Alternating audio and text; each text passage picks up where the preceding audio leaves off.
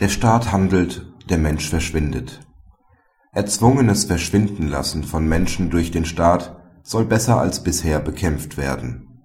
Die Bundesregierung hat dazu einen Gesetzentwurf vorgelegt. Verschwinden lassen bedeutet in etwa die Festnahme, Inhaftierung oder Entführung einer Person durch oder unter Beteiligung von Sicherheitskräften, nach der Angehörige nie wieder ein Lebenszeichen vom Verschwundenen erhalten die NJW hat Dr. Silke Voss-Küeck von Amnesty International Deutschland zu diesen Praktiken befragt. Frau Dr. Voss-Küeck, wie viele Menschen verschwinden pro Jahr auf diese Weise? Hunderttausende Menschen sind in den vergangenen 25 Jahren Opfer von gewaltsamen Verschwindenlassen geworden. Das betrifft Länder in allen Regionen der Welt. Und gerade die geheime Natur dieses Verbrechens macht es sehr schwer, genaue Zahlen zu ermitteln. Die UN-Arbeitsgruppe gegen das gewaltsame Verschwinden hat in ihrem jüngsten Bericht vom Februar 2009 42.393 offene Fälle in 79 Ländern dokumentiert. Man hört meist von Fällen von Regimekritikern im Ausland. Wie ist die Situation in Deutschland? Gibt es bei uns auch vergleichbare Fälle? Im Zuge des sogenannten Krieges gegen den Terror wurden mindestens zwei deutsche Staatsangehörige, Mohammed Haidar Samar und Khaled El-Masri, Opfer von Verschwinden lassen. Die parlamentarische Untersuchung der Fälle konnte bisher nicht eindeutig klären, wann deutsche Behörden davon informiert waren oder inwieweit Informationen aus Deutschland zum gewaltsamen Verschwinden beigetragen haben.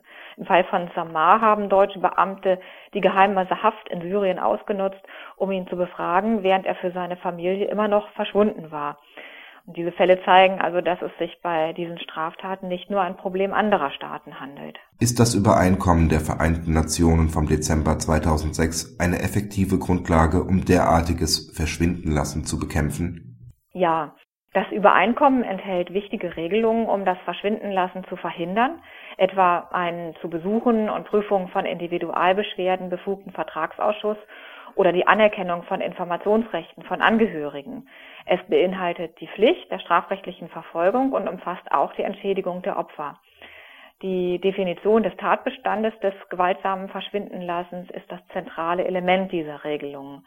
Mit Sorge betrachten wir von Amnesty International deshalb die fehlende Bereitschaft der Bundesregierung, einen eigenen Straftatbestand einzuführen. Sie verweist hingegen auf die Normen des Strafgesetzbuches, insbesondere hier die Freiheitsberaubung nach Paragraph 239 Strafgesetzbuch.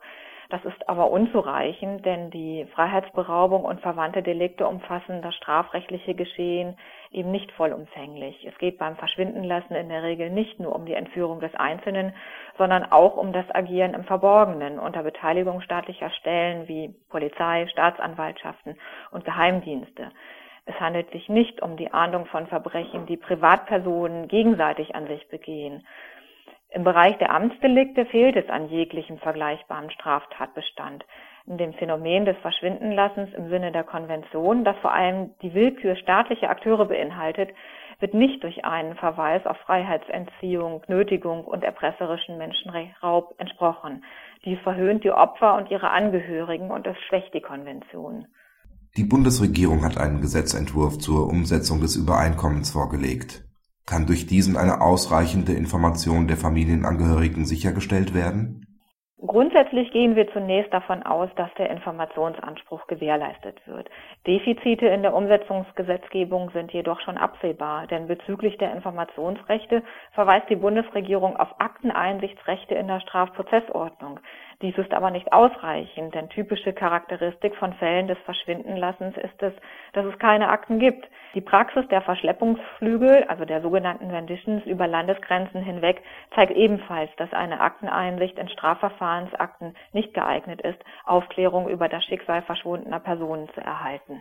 Wie sieht es aus mit einer Wiedergutmachung für die Opfer? Die Vertragsstaaten verpflichten sich, den Opfern von Verschwindenlassen umgehende, gerechte und angemessene Entschädigung zu gewährleisten, nach Artikel 24 Absatz 4 der Konvention.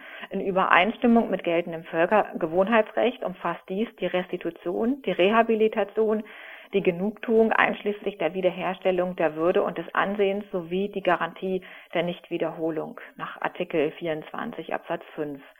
Nach Auffassung der Bundesregierung sollen bei Umsetzung in deutsches Recht die Grundsätze des Amtshaftungsrechts Anwendung finden, vor allem Paragraph 839 Bürgerliches Gesetzbuch. Dies erstaunt, denn die Rechtsprechung hat bisher keine Anwendung der Amtspflichtsverletzung auf Sachverhalte mit völkerrechtlichem Bezug angenommen. Die aktuellen völkerrechtlichen Entwicklungen zur Entschädigung für Menschenrechtsverletzungen wurden bisher nicht berücksichtigt, sondern der Standpunkt vertreten, Individuen könnten keine Entschädigung selbst einklagen.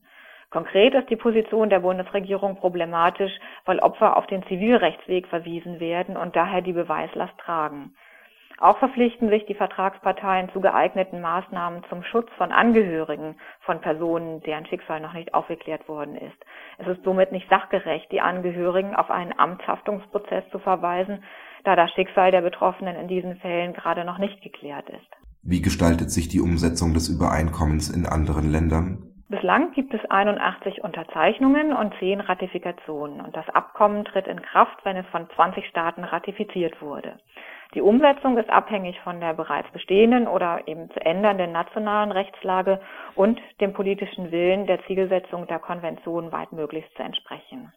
Was würden Sie sich zum besseren Schutz vor dieser staatlichen Verfolgungspraxis wünschen? Wir wünschen uns, dass möglichst viele Staaten der Konvention gegen das gewaltsame Verschwindenlassen beitreten, diese wirksam umsetzen und die Kompetenz des Vertragsausschusses zur Prüfung von Beschwerden auch anerkennen.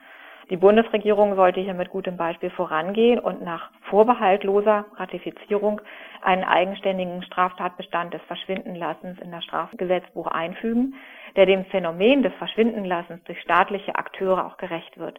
Sie sollte die Defizite bei der Opferentschädigung und der Information von Familienangehörigen beseitigen. Vielen Dank für dieses Interview, Frau Dr. Voss-Küeck.